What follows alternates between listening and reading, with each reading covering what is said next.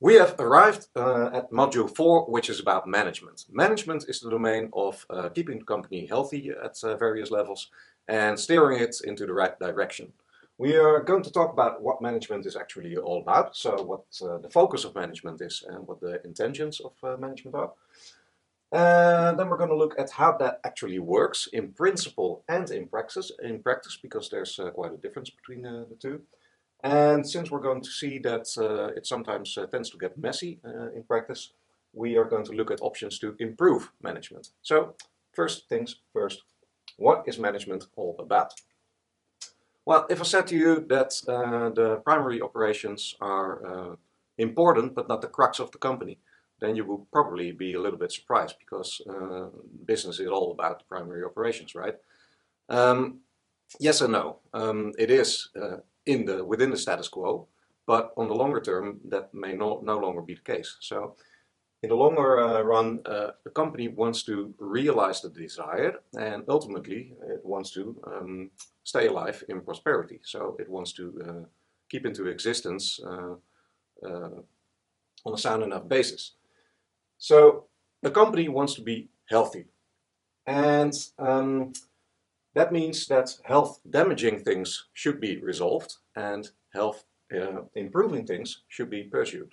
And what is health damaging and what is health improving might as well pertain to what and how the company actually does. So um, the primary operations do a certain thing, but that may no longer be effective uh, at a certain point in time. So then you should be able to rethink what you should actually do. The same applies about uh, the same applies to how you uh, do it, so uh, to the work system. So you can see that um, working on health or working on the desire is actually more important than uh, maintaining the status quo.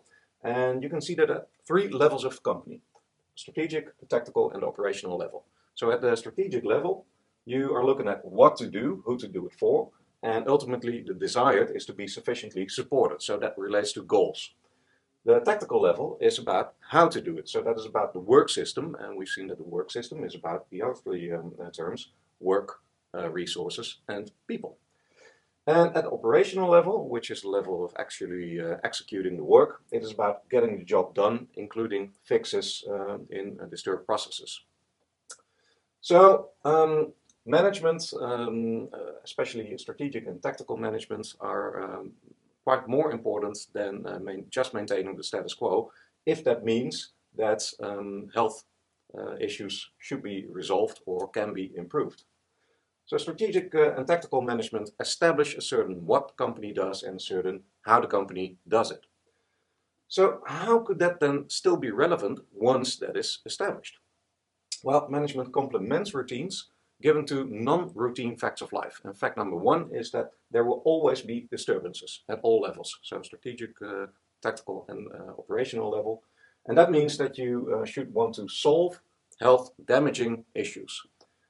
Uh, second um, non-routine fact of life is that there will always be change needs. And those hint at uh, options to improve health. So you should uh, want to pursue health improving issues in any of the terms of uh, what to do or how to do it.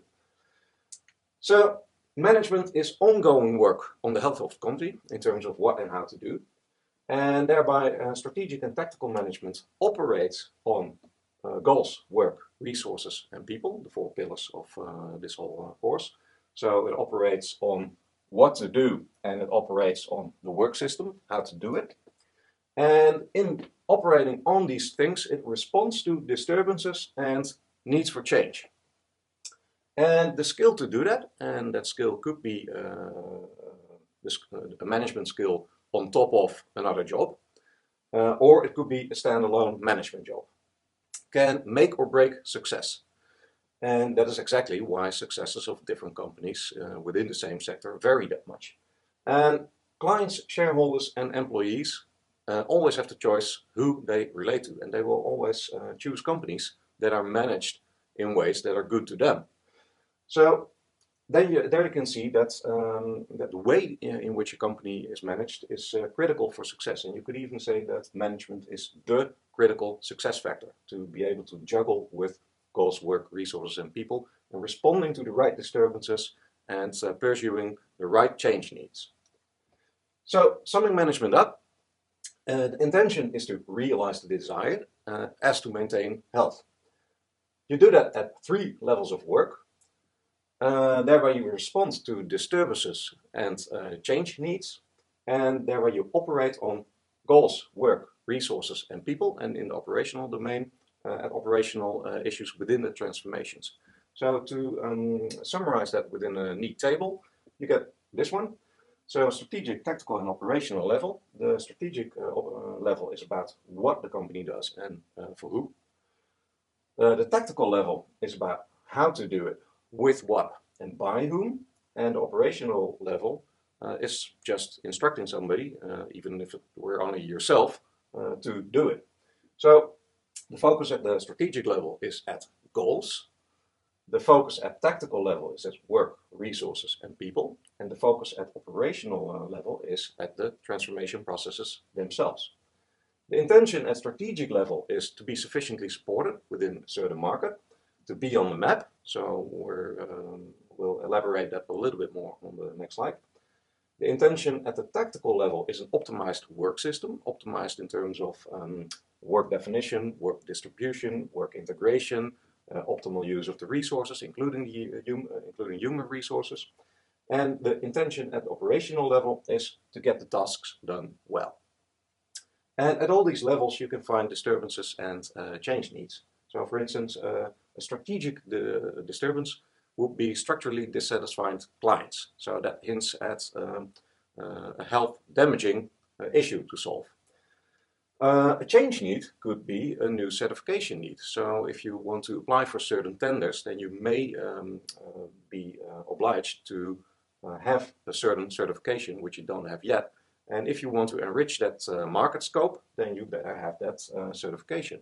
So that's a change need, which improves the health in terms of having a larger market scope to try to tap into.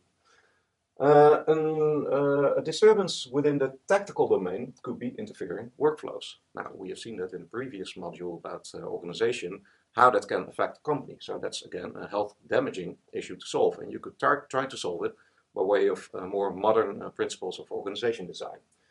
Or um, a change need could be a new IT system, as to improve, for instance, uh, the flow between departments, so to improve the coordination. And uh, an example of a disturbance in the operational domain could be uh, machine failure, so that the process breaks down and that needs to be fixed in order for the process uh, to be uh, restored as to get the job done. So, uh, in all cases, you operate on uh, the, the core focal points of any business goals, work, resources, and people, um, and you respond to disturbances or changing it at, at the oper operational level. That's just fixing things that don't work over there. Um, note with regard to this um, uh, table that this is not per se, management is not per se about directing people because management could only be you. And then the same applies because if you're a freelancer, then you also have your own strategic, tactical, and operational domain. So then you would just be instructing yourself. Uh, so you can find these levels at uh, all uh, within all types of uh, companies, be it a freelancer or a multinational. Now, uh, as we said at the top of the table, the strategic level, you are out to be uh, sufficiently supported by a certain environment.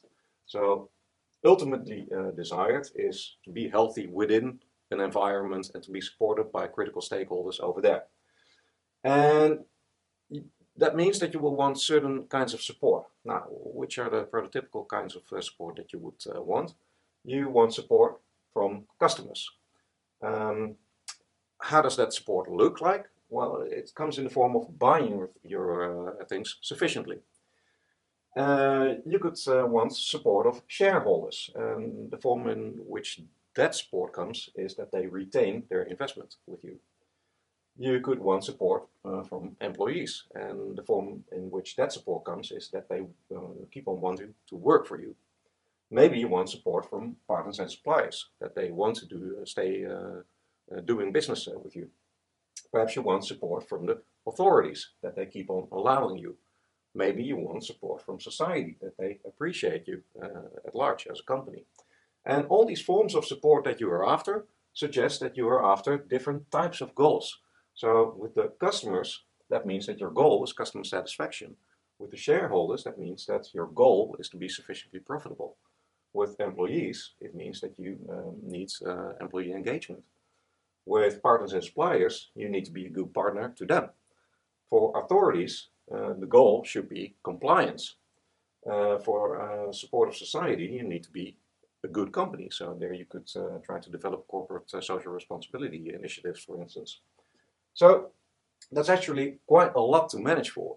And that's only the strategic level. At the tactical level, you have um, uh, an optimal work system to try to um, uh, get to in terms of uh, definition of work, distribution, integration, optimal use of resources. So those are again all kinds of different goals that you're after. So that's a lot to manage for.